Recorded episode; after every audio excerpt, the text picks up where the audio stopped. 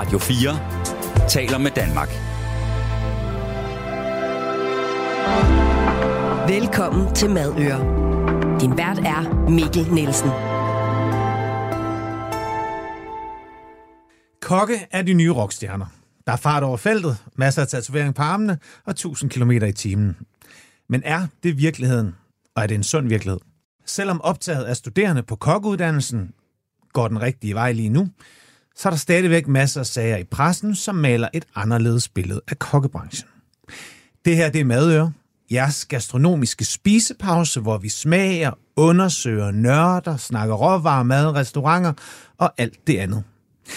Min gæst i dag er kok. Og det er hun faktisk lige blevet, selvom hendes CV og erfaring vidner om noget andet. Hun er en kvinde, som går sin egne veje, gør det på sin egen måde, og er måske rollemodellen, som kokkebranchen skriger på, hvis der skal ryddes op. Vi skal lære hende meget bedre at kende. Vi skal også runde det lokale, udlænget og ikke mindst aktivismen og lysten til at sige fra, råbe op og anskue branchen og madkulturen på en ny måde. Velkommen til Madøre, Emilie Kvist Kærgaard. Yes, mange tak. Er min intro af dig sådan for højdragende, eller er du enig?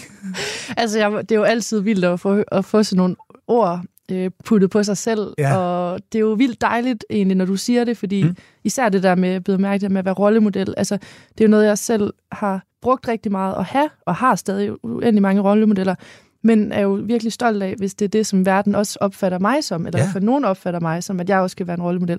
Så det er jeg helt vildt øh, taknemmelig for. Mange tak. Og du er klar til også at tage det ansvar på ja, dig? rigtig meget. Fedt. Og især nu er jeg udlært, nu kan jeg jo med Ja. ja. god samvittighed tage elever, så nu skal det bare have. Tusind tak, fordi du vil være med i dag. Kæmpe fornøjelse. Øhm, men inden vi ligesom virkelig får gang i snakken, så er det jo som altid. Der er nogen, der ved, hvem du er, og der er nogen, der ikke ved, hvem du er. Og vi elsker jo simpelthen bare kokkehistorier, så må vi ikke høre din historie og alle de sving, du har taget, og hvorfor du end, hvorfor, hvorfor du sidder lige her i dag. Emilie, hvor er du fra? Jo. Jamen, jeg og du er har fra... sikkert fortalt mange gange. Jamen, det, er- jeg prøver selv for min egen skyld sådan at moderere det lidt, så det er perfekt. Sådan, sige det, noget nyt det skal gang. du ikke. Vi elsker alt det absurde, og der, Okay. hvor kokkebranchen er hård og træls, og det, så vi skal have det hele. Ja, det skal I nok få. Godt, Godt nok. meget gerne.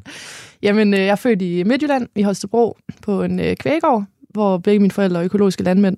Og det var jo i 94, og jeg har en tvillingssøster. Så Mhm. mm-hmm. dengang, at de fandt ud af, at de skulle have os, de var konventionelle før, men så fandt de ud af, at de skulle have nogle børn, og så øh, var deres indstilling til livet, ligesom det her, vi laver lige nu, med det her konventionelle landbrug, er ikke rentabelt, og vi kommer ikke til at efterlade den her planet til vores børn øh, lige så god, okay. som den var, da vi overtog det, hvis vi bliver ved i den her rille.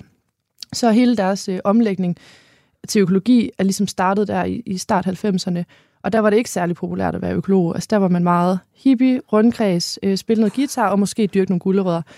Øh, så det var da ikke særlig sejt dengang. Så de har kæmpet øh, hele deres karriere, mm. sådan set, og resten af, siden de fik os som 30-årige, på at, øh, at lægge den her øh, omstilling og gøre den normal, og gøre den allemandseje. Og der ligger noget af den ide- ideologi hos dig. Helt vildt. Ja. Og det er det, og grunden til, at jeg lægger så meget Ja. vægt på det, er det også fordi, at det er noget, der virkelig har sat sig i mig. Ikke fordi vi er blevet øh, slået i hovedet med det overhovedet. Vi har nærmest aldrig snakket om til dels, men det er ikke det, der er sådan er blevet, nu skal jeg lige ud og fremme den her økologiske performer og den her økologiske dagsorden. Tværtimod. Men det er ligesom kommet øh, indfra af os selv alligevel, og Mhm. alle mine søskende. Og jeg i dag laver noget, som har med en, på en eller anden måde at gøre med noget økologi eller noget udvikling og noget Og hvordan kom maden så ind? Er det... Jamen det er jo bare, altså min mor har jo altid lavet mad, Ja. ja. og vi har aldrig haft en øh, dyr bil eller et stort fjernsyn, men vi har altid haft økologisk øh, hjemmelavet øh, mad hver evig eneste dag, som min mor har stået og lavet med stor, stor kærlighed. Og, øh, og jeg har også, øh, jeg har aldrig tænkt det som en ting, jeg har aldrig været interesseret i det Nej. øh, førhen, og har aldrig siddet sådan med på køkkenbordet, eller hvad folk nu siger. siger. Der er ellers rigtig mange romantiske fortællinger fra har Ja, og mormor vi- og sådan og sådan. Altså, jo, min farmor, hun gik og plukkede Okay. bær ude i vores have, Ja. og jeg synes, det var vildt hyggeligt, at hun gjorde det, og det var fedt at se et, et reps blive forvandlet til noget repssaft. Altså, det var da vildt spændende, men jeg har aldrig haft den der tiltrækning af det. Og lige pludselig så... Så hvornår kom den? Jamen, det gjorde den... sådan tænkte, fuck, jeg skal... Altså, når, det er sjovt nu, også når jeg snakker med min søster, som jeg gik på gymnasiet med. Hun begynder, hvor jeg overhovedet ikke havde tænkt tanken om at være kok, hun begynder sådan at kunne pointere nogle episoder nu her, som jeg har haft på Mhm. mm-hmm. gymnasiet, hvor jeg sådan meget specifikke maddele, som jeg sådan, hvor hun tænker sådan, hold da op Emilie, hun synes godt nok, det her det er spændende, og det er der ikke rigtig nogen af os andre, Hvad der kunne det gør. være? Jamen sådan noget med, vi skrællede for eksempel rigtig meget på Ja. gymnasiet, så det er om i Nettos container, og øh, efter lukketid, og så finde alle de her grøntsager, og hvad der nu ellers er blevet smidt ud, som jo intet fejlede, og tage det med op på kollegeværelset og kollegekøkkenet, og så lavede vi mad til hele kollegiet, og Hmm. hyggede os helt vildt meget med det, og øhm, altid, hvis vi havde en eller anden sammenkomst på gymnasiet, så var det altid, så synes jeg altid, det var vigtigt, at vi havde noget god mad og lavede noget sammen. Så den har ligesom ligget i baghovedet hele tiden.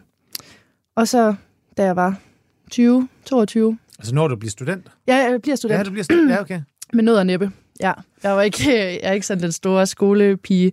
Jeg synes, det er fedt at lære noget, men jeg kan ikke finde ud af, jeg gider ikke sidde stille, og jeg gider ikke, at der er nogen, der står og underviser mig i noget, som, øh, som de allerede har lært. Altså en eksisterende viden. Og det var det samme, jeg lidt havde, da jeg så tænkte videre, nu skal jeg på universitetet.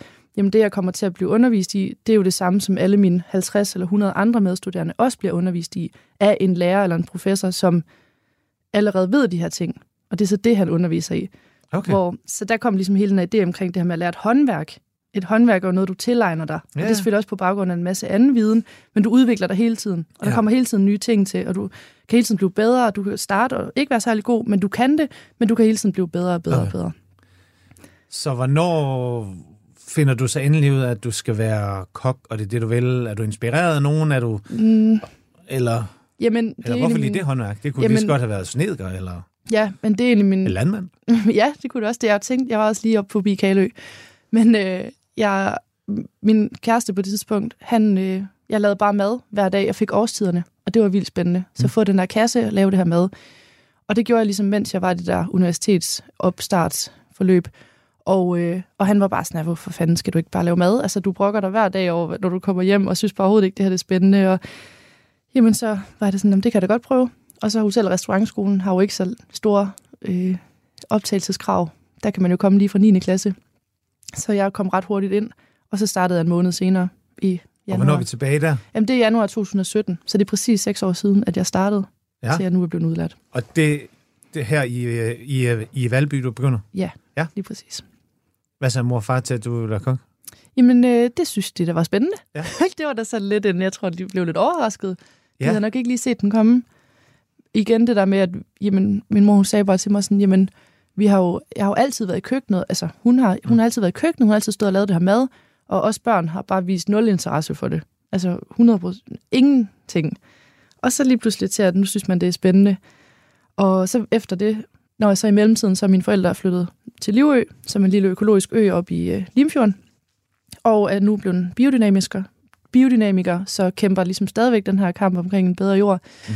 Og, øh, og da, da jeg så var startet på kokkeskole, så når jeg så kom hjem til Livø, så var det lige pludselig en glæde frem for en pine, fordi nu kunne jeg se alt det gode i Livø, og det var jo det der med for eksempel at sanke og finde alle de her ting i naturen. Mm.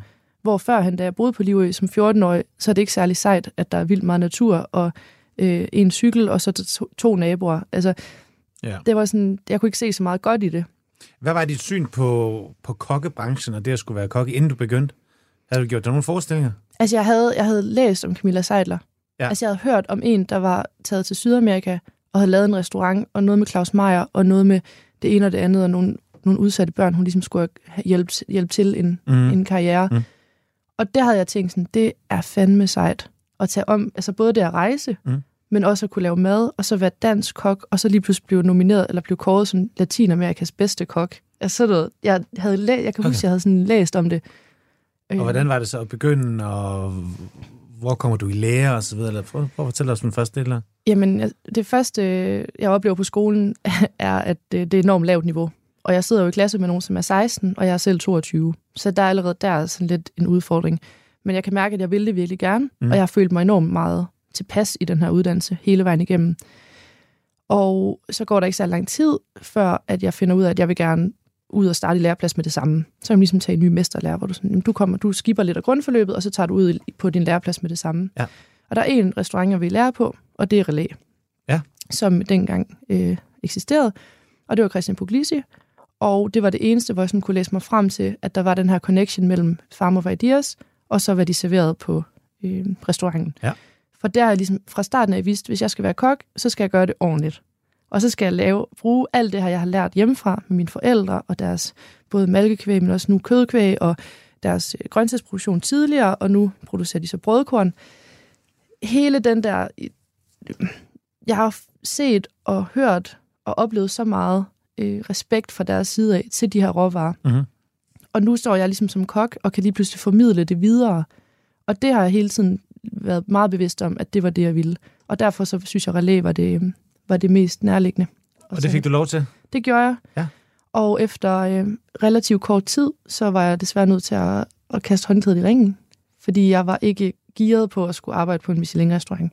Altså jeg kom fuldstændig grøn og vidste ikke en skid om at blive sendt i køleboksen efter leaks, og jeg vidste ikke, hvad leaks var, og alt foregik på engelsk. Øh, der var kun mig og så en, faktisk min gode veninder i dag, Mathilde Krue op fra Skagen. Det var, vi var de to eneste kvinder i, i hele den der Manfred øh, relæ-installation. Øh, ja, det var fysisk hårdt at stå op 15 timer om dagen, Ja. når man er vant til ikke at Ja. lave så meget fysisk Ja, ja, ja, arbejde.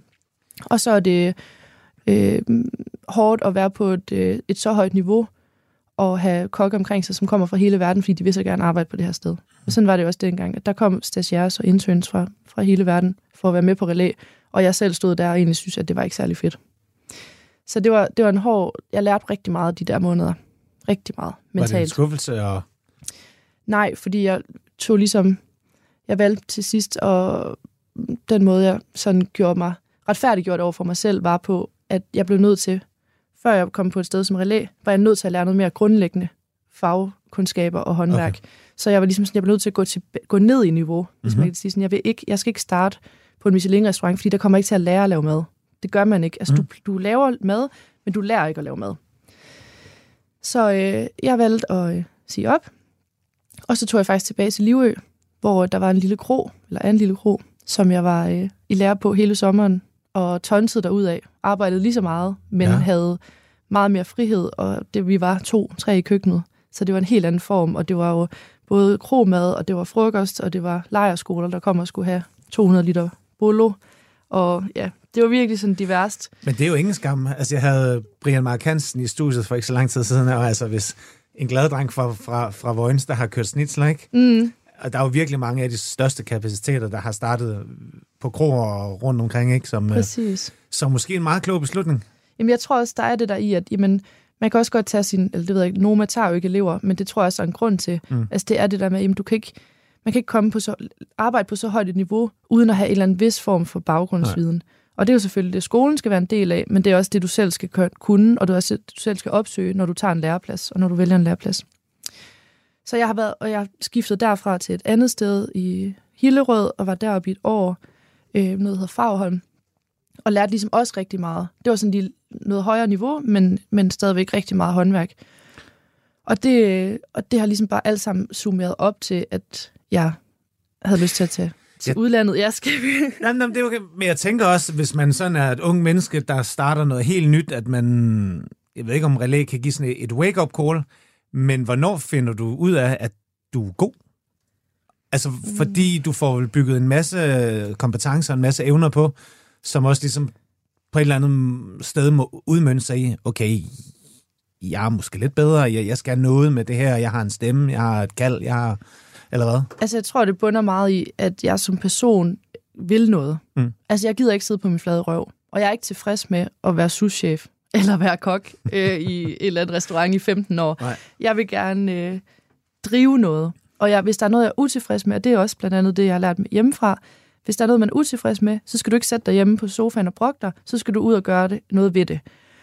Så alt det her med at være i kokkelærer, lige pludselig så kunne jeg jo godt se, at bare fordi jeg havde den her idé om, at vi er nødt til at vide, hvor grøntsagerne kommer fra, vi er nødt til at mis- altså, kende vores, øh, vores leverandør og vores landmand, fordi vi skal vide, hvor meget respekt og kærlighed og arbejde, der er puttet i det her rå- Ja. råvarer, at vi så kan forarbejde dem. Så fandt jeg ret hurtigt ud af, at den indstilling var jeg ret alene med.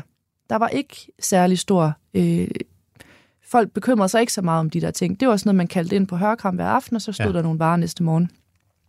Så allerede der blev jeg sådan, hmm, der er et eller andet her, der ikke fungerer. Okay. Og så efter, da jeg så var på Fagholm, så begyndte jeg at sådan forstå, at jamen, det der med at smide ting ud, altså sådan for alle de rødvinsrester, vi havde, jamen, hvorfor ikke bruge dem til noget? Fordi vi kan ligesom se, have en kontinuerlig rest af noget, lad os dog bruge dem til noget. Mm. Så der begyndte jeg, der fik vi sat en eddikeproduktion op, og fik ligesom øh, startet det, og var på studietur i Nordhavn, og altså havde det sådan fedt over at gøre noget ekstra. Mm.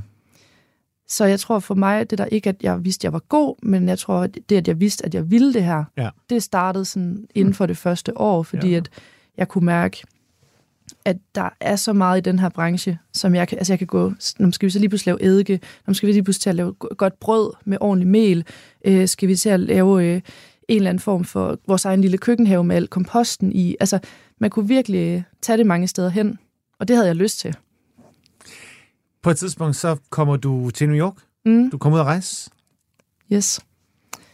Jeg, øh, mens jeg var det der år oppe i Hillerød på Fagholm, havde jeg ligesom, kunne jeg begynde at få den der sådan, det her, det kan udvikle sig. Altså, der kan ske mere med den her branche.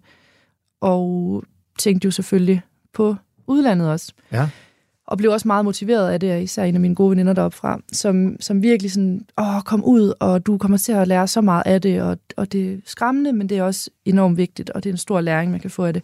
Så, øh, så jeg søgte på, og det var faktisk nogle mennesker, jeg havde mødt på Relæ, som kom fra Bluehill. Og de havde fortalt mig om den her gård, og den her gård, hvor de producerer alle grøntsagerne, og så bliver det så serveret på restauranten. Og hvor er vi hen i verden? Blue Hill?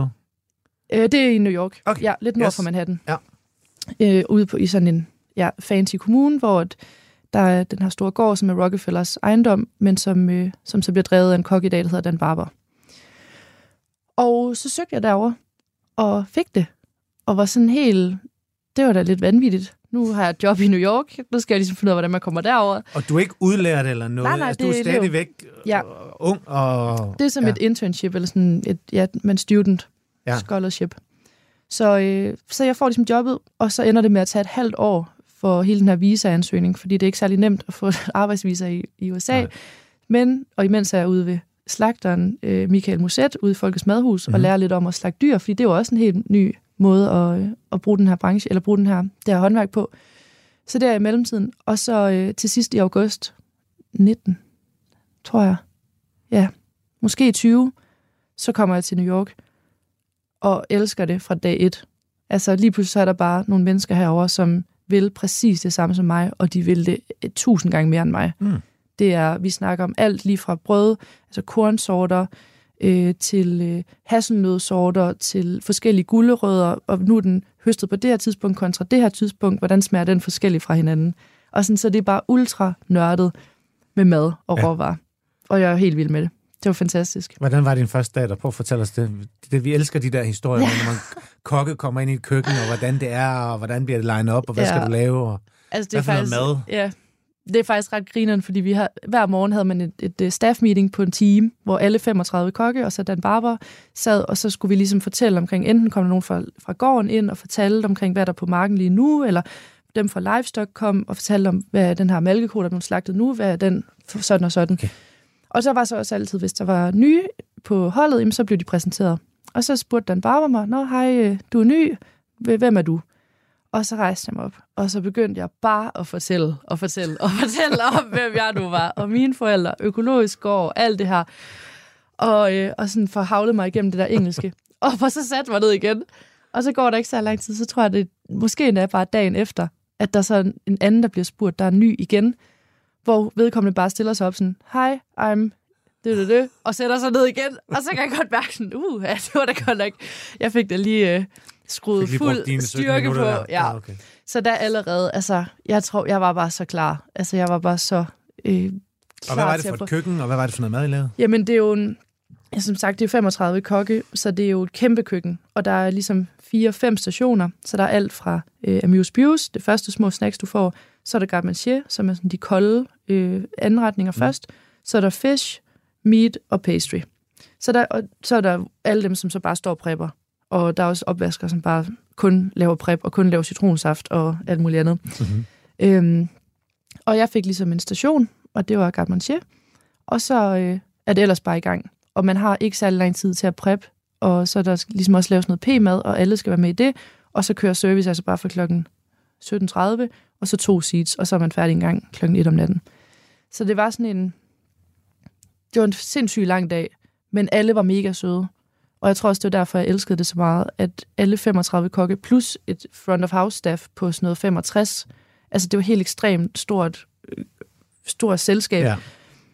Alle var bare, hi, who are you? And what are you doing here? Var, var, var du overrasket over det? At, Ja. det? at det var så inkluderende, og, Ja, og stemningen var så, så god? For ja, der har været mange gæster her, der har fortalt om, om det modsatte. ja, Om en sådan backstabber-kultur og, og Ja. noget, på, på albuerne, og man kæmper om pladserne på stationerne, og man vil op og være, og stå og, og anrette og vise chefen, at man er den bedste, og så videre, mm. så Mhm. videre.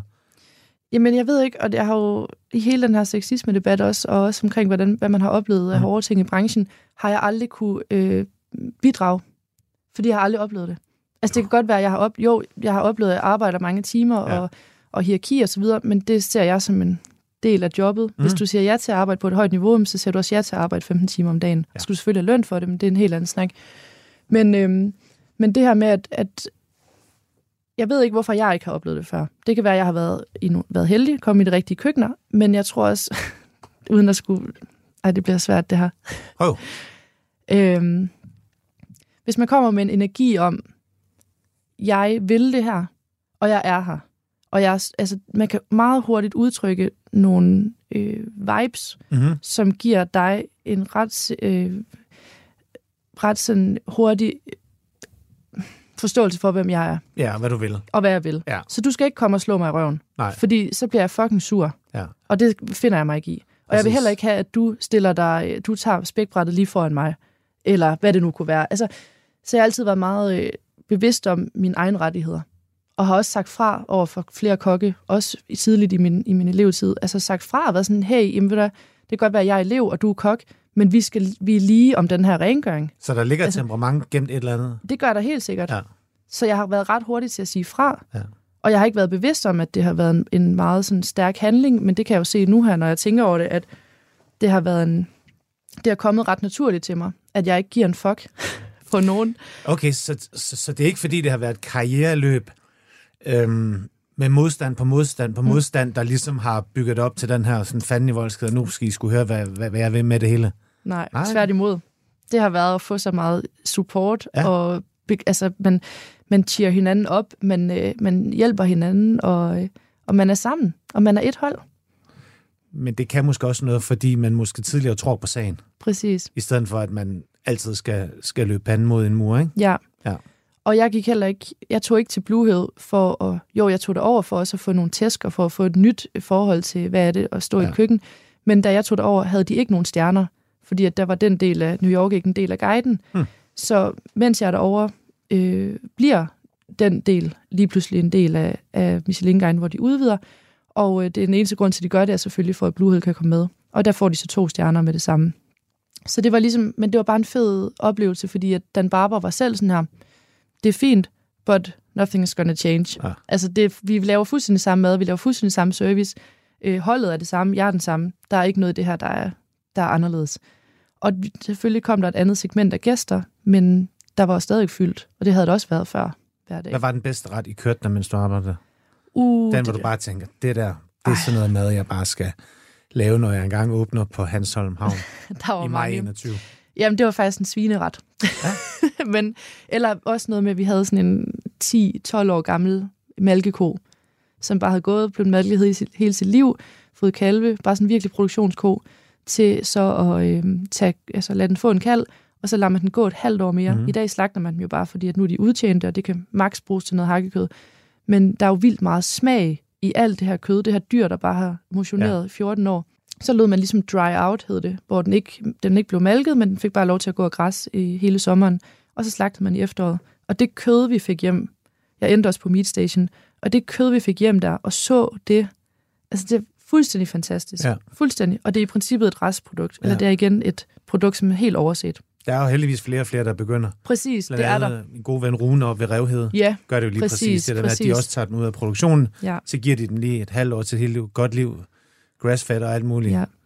Og så kommer der altså bare noget kød, hvor man bare tænker, det der, det er jo top marmoreret, især hvis man lige Præcis. ager det sådan lidt Ja. op, lige på den modne side, ikke? Mm. så er der sådan nogle, øh, nogle... Nej, du skal smide os en ret Nå, derovre fra, okay. fordi- og, og gerne hele retten, et eller andet, hvor du sådan øh, tænker, Ja. det der, det var genialt. Jamen, en Eller det var typisk, Dan øh, Barbers køkken. Ja, men meget typisk bluehead-ret, det var en øh, ret, der hed Rotation Crop Risotto, som Mm. var øh, en måde, det hele essensen af Blue Hill er en oplysning, men også selvfølgelig en, en nu det tostjernet middag. Så det, at du får den her ret, som er en risotto, lavet på øh, barley, øh, byg, Mm. og så er der ligesom alle de her elementer i, som, bevi- som viser, hvad er et øh, rotation crop system. Og det, er, det hedder sædskifte i Danmark.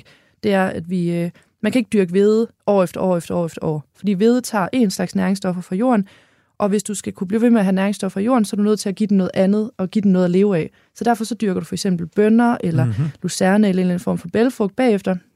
Og så kan du måske køre lidt, øh, øh, lidt majs, og så majs udv- eller udvinder også enormt mange næringsstoffer fra jorden, så derfor så når man ser sådan en konventionel majsmark, som bare er den samme majs 10 år i træk, så er det jo fordi, der bliver tilført en masse næringsstoffer fra sprøjtemidler. Mm. Det er en helt anden snak. Øh, majs, og så kan du, øh, så har du græs i et par år også, hvor din øh, dairy cows for eksempel går på, og så kan du så begynde at have, have hvede eller barley igen. Og så kører man ligesom sådan en rotation system. Så den her risotto var ligesom med alle de her forskellige grains og crops fra, den her, øh, fra det her sædskifte. Og så var der nogle ting på siden, og der var noget andet. Og det er sådan en, det er en vildt svær ting at fortælle om, hvis ikke man er inden for jordbrug eller landbrug. Der er ingen, der fatter, hvad sædskifte er. Det lyder bare sådan lidt weird. Mm. men, men det er den vigtigste del, og 100% vigtigste del af alt dansk landbrug, eller landbrug i hele verden, at man ikke udpiner jorden, ja. Ved kun at have den samme, ja. øh, samme afgrøde.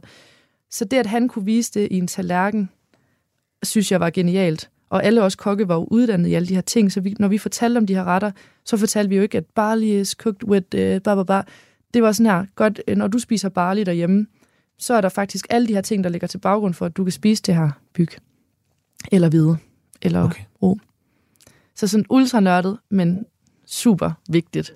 Og det smagte godt. Helt vildt. Du lytter til Madøer på Radio 4. Du forlader New York. Hvor, har, du, har du stop mere? Eller inden du vender hjem? Nej, jeg, jeg er i New York, Ja. ja. og skal egentlig kun være der et halvt år, men ender med at være så glad for det, at jeg får lov til at forlænge til et år. Ja. Men i marts øh, 21, er det ikke der, corona? Corona. Er det 20? Jamen, det, det det, er jo- marts ved du, 20? det, er, det, er, det er så dejligt, at man næsten har glemt det. At man ikke kan de der datoer Nej. længere, hvor man simpelthen bare... Vi kan bare Nej, sige, for det er tre år siden, okay. så det er marts 20. corona. Godt, så jeg tager afsted i august 19, ja. og kommer så hjem øh, desværre i marts 20. Og det hele rammer sådan lidt senere derovre, og mine forældre ringer, og min søster ringer, sådan, nej Emil, du må ikke, øh, du må ikke gå uden for en dør, -agtig. Og vi kører service, der er ingenting. Ja. Altså det er bare, jo, vi spritter lidt af og sådan noget, har fået at vide, at vi skal huske at vaske hænder, og så er det det. Så der er ligesom, det er lige sådan 4-5 dage senere. Øh, men til sidst kan vi ligesom godt alle sammen ja. fornemme, at det, det klokken er slået, så nu skal jeg hjem. Ja. Og så øh, er der jo nedlukning Ja, og jeg tager hjem til Livø. Og egentlig sådan lidt... og øh, går uddannelsen lidt i stå, eller, eller går du tilbage til, eller hvad? Jamen, så tror jeg, det passer faktisk med, at jeg kan få øh, start på mit andet hovedforløb. Ja. Nu har jeg ligesom været i gang i tre år. Men nu kommer jeg så på mit andet hovedforløb, og man har tre i alt. Hvor et halvdelen af det er sådan noget over Teams, og halvdelen ender vi så med at komme tilbage til, til skolen, og så tager det sidste, den sidste måned Mm. der. Og øh, ja, skole er for mig, bare- det har bare været noget, jeg skulle have overstået. Altså, Ja. det var formalia. Så det glemmer vi. Så det det meget hellere hoppe frem til sådan, Ja. det næste sådan store punkt, der hvor mange måske kender dig fra, der hvor mm. du virkelig sådan begynder. Øh, I maj 21, Ja. der starter du din egen restaurant, Ja, og der er du ikke heller ikke uddannet kok. nej. Så der går du i lære hos dig selv. Ja, det Eller prøvede hvad? jeg, men det kunne jeg ikke. Nej, det kunne ja, det viste jeg også godt, man ikke kunne. Ja, okay. Men det, Men du starter en restaurant, medvind Ja. på Hanstholm Havn. Nu kan du bare ikke sidde stille længere, og nu skal du ikke arbejde for andre. Nu, altså nu skal du i gang med din egen mission, eller hvad? ja, fuldstændig. Altså hele det der corona-lockdown herude selvfølgelig sendte mig hjem, og det tror jeg ligesom mange andre, så får man jo en eller anden sådan, hvad er det egentlig, jeg bruger mit liv på? Hvad er det, jeg gerne vil? Og man, Det er fandme tidligt, Emilie, at du allerede får sådan nogle tanker, og siger, åh, hvad skal jeg? Åh. uh, jamen, jeg har det meget svært med at spille tiden. Altså, jeg- der er sådan alt, hver dag tæller. Og Ja. det har også fået mig ned med nakken her i efteråret, men jeg er stadigvæk meget sådan sikker på, at jeg er nødt til at få det bedste ud af hver dag. Mm. Og, øhm, og uanset hvem, der siger, om jeg er elev eller, eller kok, eller hvad jeg nu er, så øh, hvis jeg har en lyst til noget, så er jeg også nødt til at, at, ud, at udleve den drøm. Og jeg havde ikke drømt om, at jeg skulle have en restaurant, men vi var ligesom lukket ned på anden lockdown, som Mm. mm. startede der i december. Jeg havde faktisk fået et job ude på Hamas her i København igen, men bliver hurtigt øh, sendt hjem, fordi vi lukker ned. Så, øh, så jeg går hjem igen på Livø og keder mig egentlig ret meget, og det er sne, og der er ikke sådan så meget at lave på Livø om vinteren. Så jeg skriver til min gode veninde Maj, som er turistchef i Thy, som jeg har kendt sådan pæfærd, øh, men ikke sådan rigtigt. Men jeg ved bare, at hun er sej. Hende vil jeg gerne lave noget med på en eller anden måde. og hun er turistchef i Thy, så jeg skriver bare til hende, kan vi ikke tage en tur i Thy rundt, og så se, hvad der sker? Jeg ved ikke, hvad jeg vil, men kan vi ikke bare lolle lidt? Jo, det vil hun sygt gerne. Kom op i morgen. Okay. Og så kører vi rundt, og så har hun sådan hemmeligt planlagt sådan en lille restaurant-crawl til alle de steder, der er til salg i Thy. Så vi starter på Café Kokjo i Tisted, som er til salg, og øh, kigger ind af vinduerne og er så lidt, ja, yeah, okay, øh, weird, men der er der, det, det er da meget sjovt. Og så ender vi så i Hanstholm, hvor vi øh, er nede på den her grillbar, som ligger nede på havnen, og vi møder faktisk dem, der har den, Agneta Folle, og de har haft den i 18 år, og har egentlig sådan ville sælge de sidste 10 år. Og sådan, der, der er virkelig sådan en... Vi har den her grillbar, men der er jo også et, en anden grillbar derover, der er også en tredje grillbar der, og der er, sådan, der er sgu ikke så meget at komme efter. Øh, og så er jeg bare solgt. Altså helt ekstremt. Det var jo midt, eller er midt på Fiskerihavnen, som er det her store beton, øh, truk, ja. øh, lastbils helvede, men som lige så snart man åbner en af de her døre ind til de her store betonbygninger, så øh, for det første kommer du ind til fiskaktionen, som bare er, du har aldrig, du kan ikke tænke på, hvor mange fisk du har set i dit liv, som der er der. Nej. Altså det er ekstremt. Og alle skibene ude i, i havnen, og øh, alle de her pakkerier, altså hvor der står 14-15 mennesker bare skærer fisk hele dagen og pakker og sender videre, og så bliver mest af det jo faktisk sendt til, til udlandet. Så alt det fisk, vi kigger på, når vi står nede på fransk, øh, et eller andet fransk lækkert marked, mm-hmm. der er rigtig, rigtig stor procentdel af det fra Dan- eller landet i Danmark. Ja. Så det er så, hvad det er. Men jeg får ligesom sådan en... en og lille... det er ikke en grillbar, du vil åbne? Jeg, jeg vil ikke åbne nej, en grillbar. Nej. Jeg vil ikke åbne en grillbar. Fordi at der kommer hele den her drøm om, jeg er ligesom allerede begyndt at prædike alt det her med, at vi er fandme nødt til at kende vores, vi er nødt til at kende vores leverandører, vi er nødt til at have et forhold til vores råvarer, og vi er nødt til at, at handle ansvarligt. Mm. Jeg hader ordet bæredygtighed, men vi skal handle som kokke, har, synes jeg, vi har et ansvar for, at alt det mad, vi øh, køber ind til vores restauranter, eller som vi serverer for vores gæster, har en eller anden form for mening.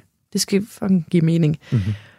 Så da jeg falder over den her fiskerihavn, er jeg jo bare sådan her, okay, spændende. Altså her lige pludselig en hel masse både, der ligger lige her, og så ligesom panoramavinduer fra den her grillbar ud til havnen, hvor alle bådene ligger. Øh, have en, en restaurant, ret lækkert køkken faktisk, og fiskaktionen er herover bag ja. ved mig.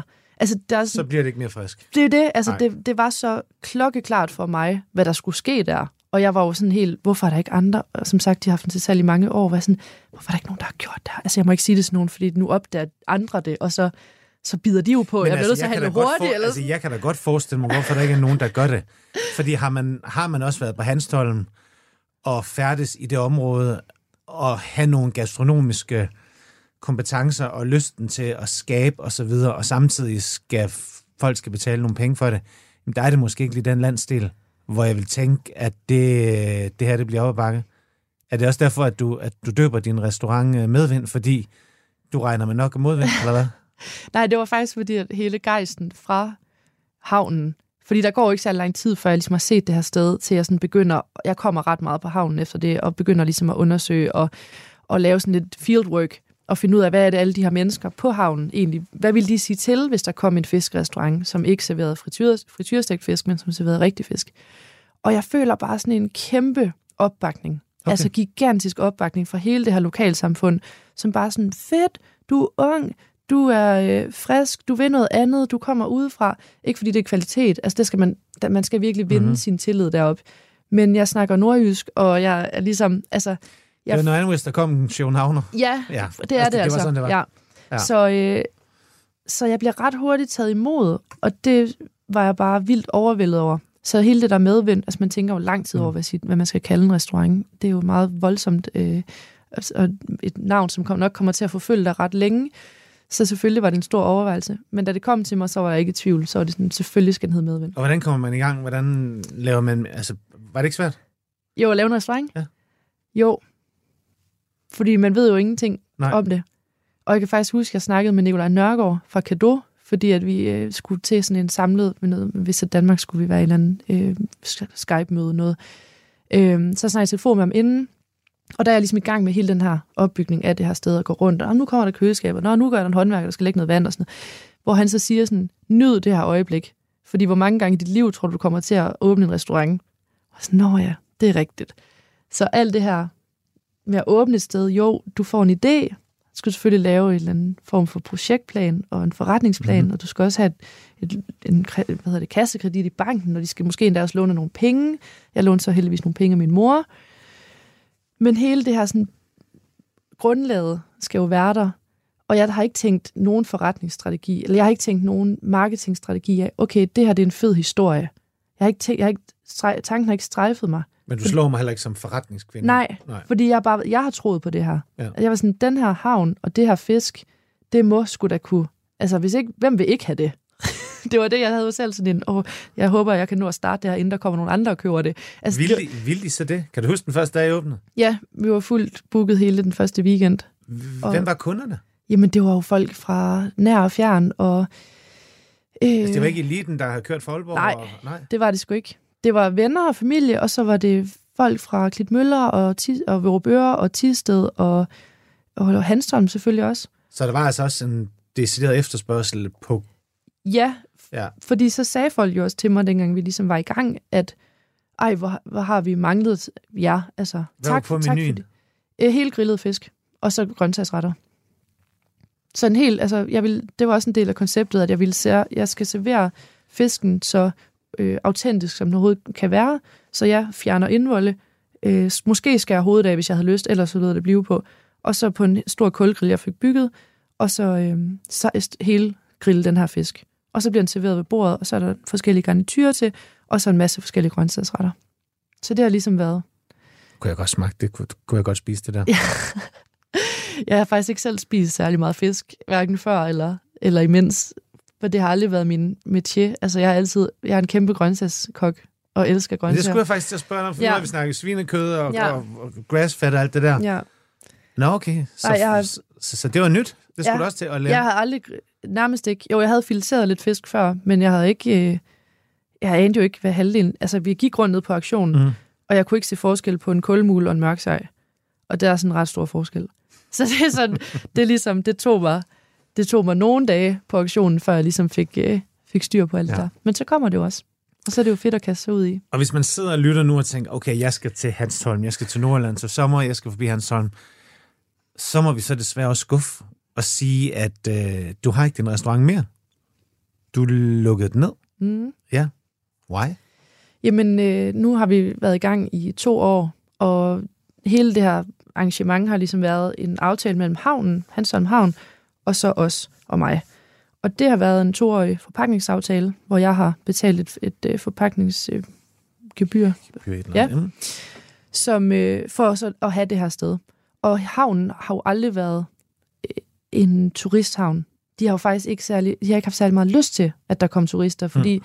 det er en arbejdshavn, og det er en, en produktionshavn, og du kan se det i det sekund, du kører ned af den her lille sidegade, jamen så er der trucks over det hele, og der er lastbiler, og folk kører så hurtigt. Så det der med, at hvis man lige pludselig begynder at have turister rendende, altså det var faktisk deres største mareridt.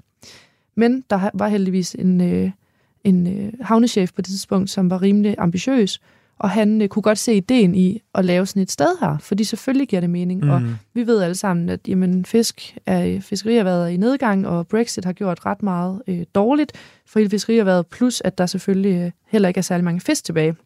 Så de var ligesom nødt til at tænke på, hvordan kan vi få den her havn til at, at, at spille på nogle andre tangenter. Og der var turisme så faktisk en af dem. Så der faldt min idé jo ret godt ned i deres turban. Så, øh, så vi fik den her toårige forpakningsaftale. Og nu øh, står vi bagefter og har haft to fuldstændig fantastiske år, og vi har aldrig, altså jeg har aldrig drømt om at få så meget omtale, eller gæster, eller møder med alle mulige mennesker, som jeg aldrig ville have Mm. mødt, hvis ikke det her det var sket. Så jeg har også sådan den overbevisning, at jeg skal stoppe, mens lejen er god, og jeg skal ikke, øh, jeg er 28 nu, og jeg kunne sagtens drive den i 15 år mere, men det har jeg ikke lyst til, Nej. fordi der er så meget andet, jeg gerne vil.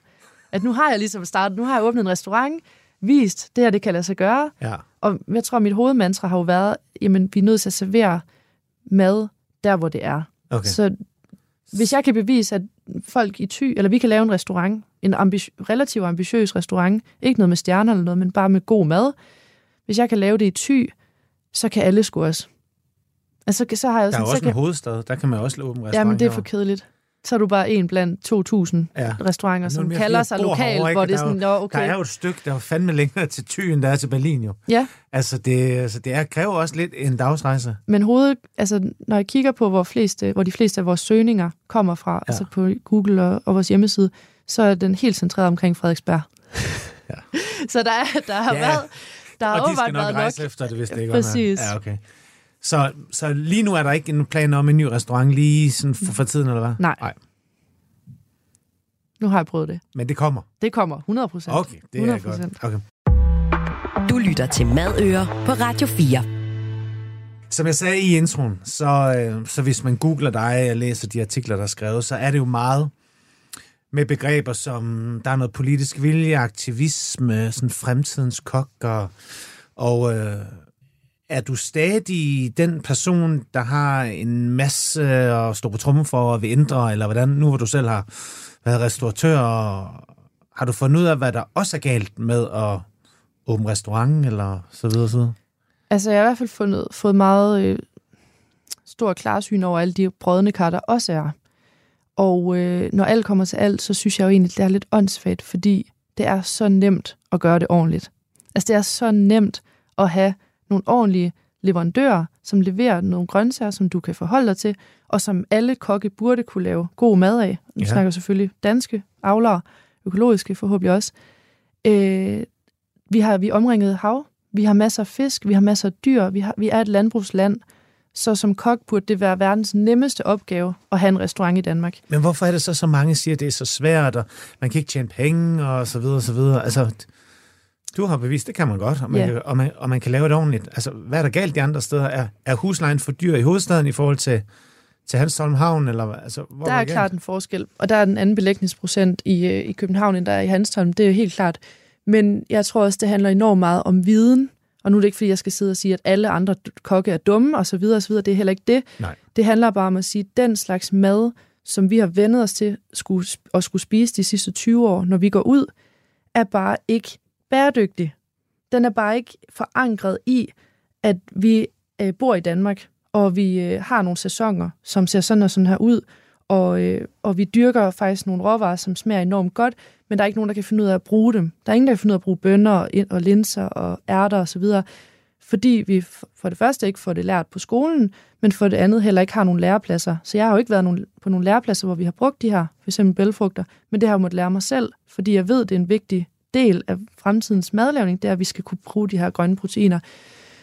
Så jeg tror på, ja, eller min overbevisning er, at der desværre er for stor uvidenhed omkring danske sæsoner, og at man har en opfattelse af, at når vi går ud og spiser, du og jeg, på en fin restaurant i København, så skal der være trøfler og kaviar og alt det her andet fine, og kammuslinger fra Nord-Norge og øh, et eller andet flot, øh, yu- yuzu fra øh, Japan. Ja. Hvor sådan, nej, det har jeg faktisk ikke brug for. Fordi jeg så kan jeg tage til Japan og spise det. Det er fint. Det er da Mm. lidt dyr tur, men det er klart, hvis jeg, skal, hvis jeg spiser mad i Danmark, så vil jeg have dansk mad. Og det er ikke, fordi det skal være persillesovs og stegt flæsk. Det er bare, jeg vil gerne bede om de råvarer, som er blevet produceret i Danmark. Dem vil jeg gerne spise. Er vi tilbage i sådan en Noma 3,0 et eller andet, fordi det var jo det, der var det oprindelige udgangspunkt i den, i den sådan nordiske dogme, mm. ikke? Det her med, at vi og det lokale og, Ja. og, så, og så videre. Det var der, det er jo også noget rigtigt i, men altså for mig handler det også altid det, jeg synes altid, det er spændende det her med, når kokke har en mission. Men der er jo også et marked, der går ud og spiser Mhm. mm. bøf banæs og fritter i København Mm. hver eneste fredag og lørdag, fordi altså, hvordan rocker man det der? Er det, er, det, er det det, der bliver din mission? Det tror jeg. Og jeg, jeg er jo meget glad og helt vildt stolt over at kunne vise, at det kunne lade sig gøre i ty. Mm. Altså al, nu havde vi så også kun åbent fra påske til vinter, eller fra påske til efteråret, så det er klart, at sæsonen er sjovere der i Danmark. Ja. Men det må jo så have været en, en challenge, man må have taget på sig i vinteren, og det var jeg også klar på, hvis det var det. Øh, nu var er realiteten bare, at der findes der er ikke særlig mange mennesker en novemberdag i Hanstholm. Øh, så derfor valgte jeg ligesom at have åbent om sommeren. Og, men med det sagt, dem som kom der, var jo også folk, som var sådan her, vi har ikke kunne gå andre steder hen, derfor, eller men tak fordi I endelig er her, fordi Ja. alt det, som vi har spist, det har jo været stjerneskud, men det har jo også været, fordi vi er nødt til det. Der var jo ikke et alternativ. Mm. Så jeg tror på her i København, jamen, en ting er, at der selvfølgelig er muligheder for alt, men så længe du tilbyder bøf banæs, så vil folk jo også spise det. Mm. Der er mange, der taler om, at vi i København er sådan et bølgekøkken. Ja, At lige nu er der en kæmpe stor asiatisk vibe. Om det er koreansk, eller det er japansk, eller kinesisk, som man ligesom prøver at merge lidt med den, vores eksisterende madkultur, og så videre, og så videre. Så det bliver altid sådan nogle bølger, og så kommer det næste, og så kommer næste, og så er der selvfølgelig bistrobæltet, som altid ligger sådan stabilt, hvis det er kød, man har. Men jeg kunne prøve at give dig udfordring nu, hvis du, og, nu, og det har vi ikke aftalt der, men lad os nu sige, at jeg finder et fedt lokale til dig i København her. Og du skal servere tre retter. Nu skal du tænke ret hurtigt ja på et menukort, som du vil servere, som du vil synes, det her, det er, det er indbegrebet af mig, det er indbegrebet af et bæredygtigt Danmark med hav eller skov, eller hvad det skulle være. Hvad skal vi så have på tallerkenen? Klart noget ceviche til at starte på. Ja. Og man kan lave ceviche af alt. Øh, det handler også, så skal man selvfølgelig også være opmærksom på sæsonerne for Og fisk. ceviche, det er det her. Øh, ja, rå, rimmet øh, fisk. Mm. Og det skal selvfølgelig være opmærksom på øh, sæsonen også. Så øh, du skal ikke købe pikvar året rundt. Og hvis du kommer ind på en restaurant, hvor du kan få pikvar året rundt, så vil jeg vende mig om at gå igen. Jeg kan virkelig godt lide pikvar. Ja, det er en fantastisk fisk, men en fantastisk fisk i nogle måneder af Danmark øh, Okay. året. Øh, så en eller anden form for ceviche med noget... Øh, Ikke yuzu. Nej, ikke yuzu. En eller anden form for lage. Jeg lavede nogle fermenterede rabarber sidste år i øh, foråret selvfølgelig, og den lage har jeg ligesom brugt hele vinteren, eller hele efteråret. Den har Den vil lidt- godt lige have opskriften på. Jamen, det er rabarber, 2% saltlag. Hæld på, lad stå på køkkenbordet i syv dage, til det begynder at boble. Og så har du fermenteret rabarber. Og den lage er sådan helt... Og du kan putte lidt chili i også. Frisk chili i den. Som, man- Og hvordan er lagen? øh, sådan øh, sur, salt, øh, sød, øh, prikker lidt på tungen. Og så er det simpelthen det, du vil... Det, det har jeg simpelthen- brugt som ceviche-lag, sammen med lidt god olivenolie. Ja. Øhm, og så en eller anden form for garnityr. Måske nogle... Øh, lige nu er der mange sådan beder, hedder det hvide beder og gule beder, Mm. helt tyndt på, så får det crisp, og så øh, uh, en eller anden ristet kerne. Og så til hovedret skulle det være en eller anden form for stegt kål, og så skulle det være sådan et rigtig lækkert stykke øh, mælkeko. Nu har vi snakket så meget om det. Mm. Og jeg synes også, at vi skal ikke øh, udskamme køerne, fordi mange af dem, hvis de bliver produceret, og hvis de har et ordentligt liv, hvor de for eksempel bliver brugt til at afgræs, jamen så kan de, er der lige nu nogle landmænd, der er ved at lave nogle forsøg med, at de rent faktisk binder mere øh, CO2, end de udleder, ja, og metan. Så de binder flere øh, Mm. luftærter, Ja. de udleder. Og som dessert skulle det være et eller andet fra Søtoftes mejeri, fordi det har jeg lige fået noget yoghurt fra her den anden dag, som smagte fuldstændig hjernedødt. Hvor søsofte, hvor er vi henne? Det ligger på Sydsjælland, Ja. Jeg kan ikke præcis huske hvor, Næh. ved Slagelse måske. Og øh, at to et ung par, som er blevet gået fra noget universitetsliv til at blive mejerister, og nu øh, laver, har de nogle jersikøer, og så laver de de her fuldstændig fantastiske øh, mælkeprodukter, og er lige gået over til også at begynde at lave ost. Så de har både yoghurt, og så har de mælk på sådan noget 4,3 procent, som jo smager af mælk, og som smager det, det skal. Og laver også lidt oste. Så det skulle, desserten, det skulle helt klart være en eller anden yoghurt-is med, med, dem, med yoghurt ned for dem af. Og så nok nogle bær, jeg havde syltet i sommer. Men det der er jo et køkken, som jeg sagtens kunne se i hovedstaden. Mm. Hvor, hvor, hvorfor er der så ikke nogen, der, der gør det? Hvad, altså, hvad, hvad fuck mangler der? I, øh, du, jeg ved, du tidligere har været ude med Riven også i forhold til øh, hotel- og restaurantstolen, som du har også nævnt det før, det her med, at uddannelsen ikke er, ikke er god nok, at vi ikke bliver klædt på i forhold til sæson og, og så videre, og så videre. Jamen, det, jeg tror 100% det er derfra. Altså, nu er vi jo, min generation af kokke, nu er vi de her mellem 25 og 35. Vores forældre, altså så når, når, netop når I hører de her romantiske historier af kokke, som har siddet på deres mormors køkkenbord, de siger jo aldrig deres mors køkkenbord. Fordi jeg tror på, der, eller hvad jeg synes, jeg kan opleve, har oplevet og kan se, Mm. er jo, at der er et gap i den der 60'er, 70'er generation, som ikke har lært at lave mad. Mm. Fordi der er mange grunde. Man kan jo nok hurtigt nævne nogle årstal, som gør, at der er sket nogle store Ja. ændringer i Danmark og i samfundet, som gør, at, at man ikke har haft lige så meget tid til at lave mad. Mm. Så derfor så øh, har vi aldrig fået... Vores forældre har ikke lært at lave mad, og ikke vokset op med hjemmelavet mad. Andet end lørdagskylling og, og et eller andet på dåse. Så jeg tror, der, så derfor er vi jo heller ikke blevet oplært i at lave mad hjemmefra.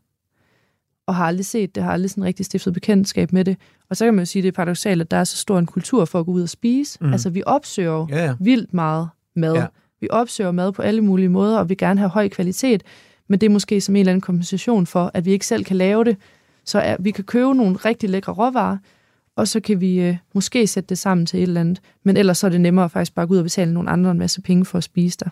Ja. Deres ordentlige råvarer. Ja. Og så er det der, jeg synes også, vi har et ansvar som fagpersoner til at, så at kunne formå at få alle de her fantastiske råvarer komprimeret til et eller andet mål- måltid. Men hvad er det så, man lærer? Altså, da du startede på hotel- og restaurantskolen, sagde du, at niveauet var lavt. Mm. Bliver det bedre? Det synes jeg ikke. Nej. Nej.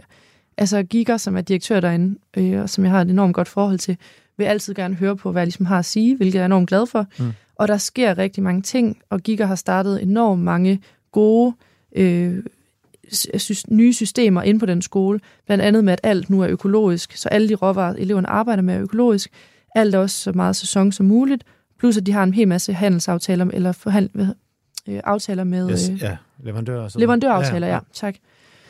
Så hele sådan grundlaget er der jo. Men hvis de mennesker, som kommer, de elever, som kommer ind og er på skolen i 10, 10 eller 20 uger, det lærer, de får jo ikke nok med derfra. Bare fordi skolen har økologiske råvarer, så er de 10 uger, man er derinde, det er jo ikke nok til, at du får en forståelse for det. Du skal jo have det ude på din læreplads. Det er jo der, du er mestedelen af Mm. tiden. Du, har- det tager fire år for den her uddannelse, Ja. og man er på skole i maks en fjerdedel af tiden. Så det er jo lærepladsen, der har ansvaret for det. Og hvis de kokke, der står derude, ikke har lært alt det her, så er vi jo endnu mere fucked. Så hvad skal vi gøre? Jamen, vi skal snakke mere om det. Vi skal have det ud i øh, til den gængse forbruger også. Øh, nu Men var, forbrugerne har jo givet op. det altså, tror man jeg kan sige, bare hvis ikke. man ser på den danske madkultur lige nu, Ja. så er den jo stadigvæk nedadgående. Mm, Det skal være billigere. ja.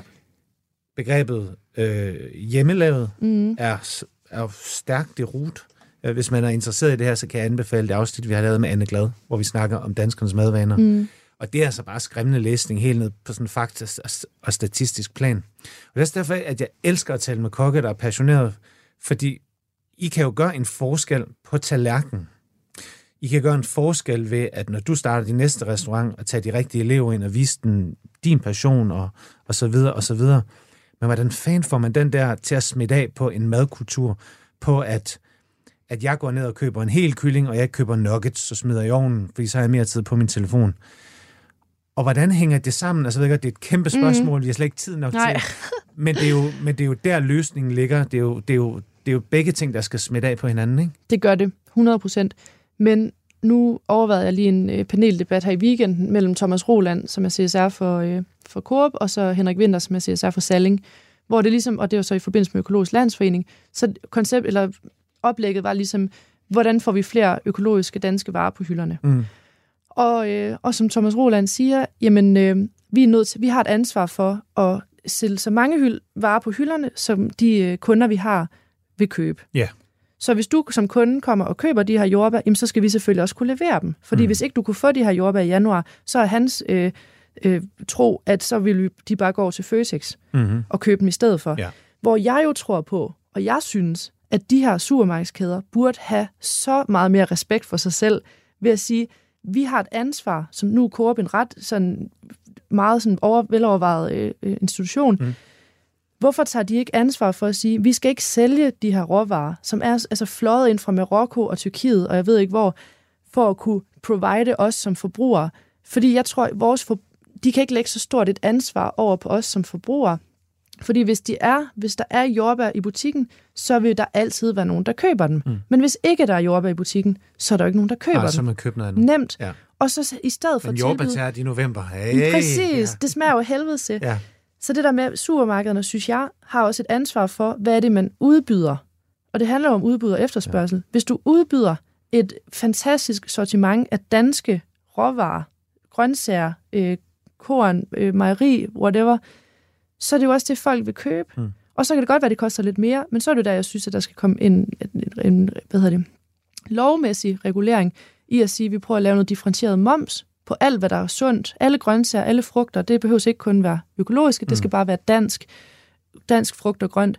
Og så hæve prisen på alt det lort, som vi også spiser, af slik og sodavand, og jeg ved ikke hvad. Altså, vi æder os selv ihjel lige nu. Men nej, nej, det er for dyrt, og vi kan ikke lave øh, differentieret moms, ja. fordi så er det konkurrenceforvridende og bla bla bla. Okay, fint, så vi vil hellere mangle syge, sygeplejersker og læger, som skal stå og behandle os for alle de her livsstilssygdomme, vi har, end vi vil prøve at smide nogle milliarder i og få den her livsstil ændret. Og det er der, kæden hopper af for mig. Og det kan godt være, at man skal gå ind i politikken dag for at kunne sige alle de her ting, men jeg har jeg det også sådan, det. bliver nødt til at starte fra bunden af, ja. og lade det her komme som en bevægelse. Samtidig som selvfølgelig, at jeg kan gå ud og vise noget på tallerkenerne i min og mine kommende restauranter, så du som forbruger og som gæst forhåbentlig får et andet indtryk også, hvad der er den danske sæson. Men jeg tror simpelthen også på, at der er nogle større magter, som er nødt til at komme og, og tage noget ansvar. Jeg vil sige, det kunne næsten ikke siges bedre. Og jeg er helt sikker på, at øh, hvis du bliver træt af at være kok og åbne restaurant, jamen, så tænker jeg, der ligger en øh, politisk karriere og venter et eller andet sted. Og jeg ved, at der er mange, der er enige med dig, og øh, du har i hvert fald min stemme. Tak. Emilie, tusind tak, fordi du gæstede med i dag. Tak, fordi vi måtte høre din spændende historie fra, øh, fra Livø over det hele i New York, hjem igen på havnen i Hanstholm, og så til nu. Øh, jeg er stensikker på, at du popper op igen og øh, åbner en restaurant, om det bliver i København, eller på Tranomenge, eller hvor det bliver hen i verden, det ved jeg ikke, men øh, held og lykke med det hele, og, øh, og tusind tak, fordi du ville være med her i dag. Det var super hyggeligt. Selv tak. Til alle andre, så er det her Madøre. Det er hver søndag 13.05, og husk, at du kan hente alle andre afsnit af Madøre, der hvor du henter din podcast. Jeg hedder Mikkel Nielsen. Vi lyttes ved. Hej. Radio 4 taler med Danmark.